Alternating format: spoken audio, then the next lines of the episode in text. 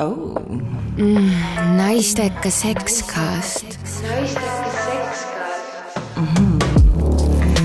stuudios on Tiina-Mall Vannastu ja Joonas Grauberg kui me räägime G-punktist, eks ju, ma võtan näiteks sellesama, ta oli siukse mõnusa kõver, kõverama kujuga, et äh, kui naisele siseneda, eks ju, et siis see G-punkt siis jääb siia ülespoole. ma loodan, et kaamerast on seda kindlasti näha, nii näita korra uuesti. ma näitan sinna.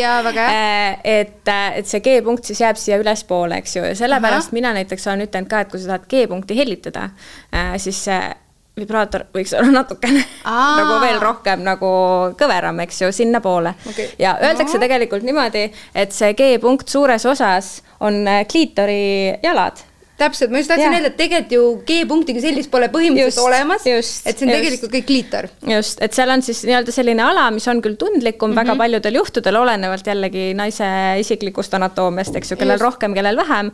aga see on tõesti, on väga huvitav see, et, et need kliitori jalad on seal, jällegi me jõuame sinna tagasi, et kliitor peaks, võiks olla siis see A ja O seal kõige selles, eks ju mm, -hmm. keskmine nimi meil kõik see aeg.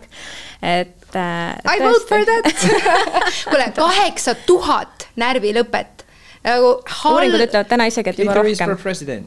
Holy crap. No ja, ja ma tean, et äh, see ei ole ka sada protsenti nii-öelda korrektne öelda, aga Eh, võtame selle ka, et ikkagi päris tuus on mõelda, et kliitor on põhimõtteliselt ainukene organ nii meeste kui naiste peale kokku, mis on ju ainult naudinguks yeah. loodud.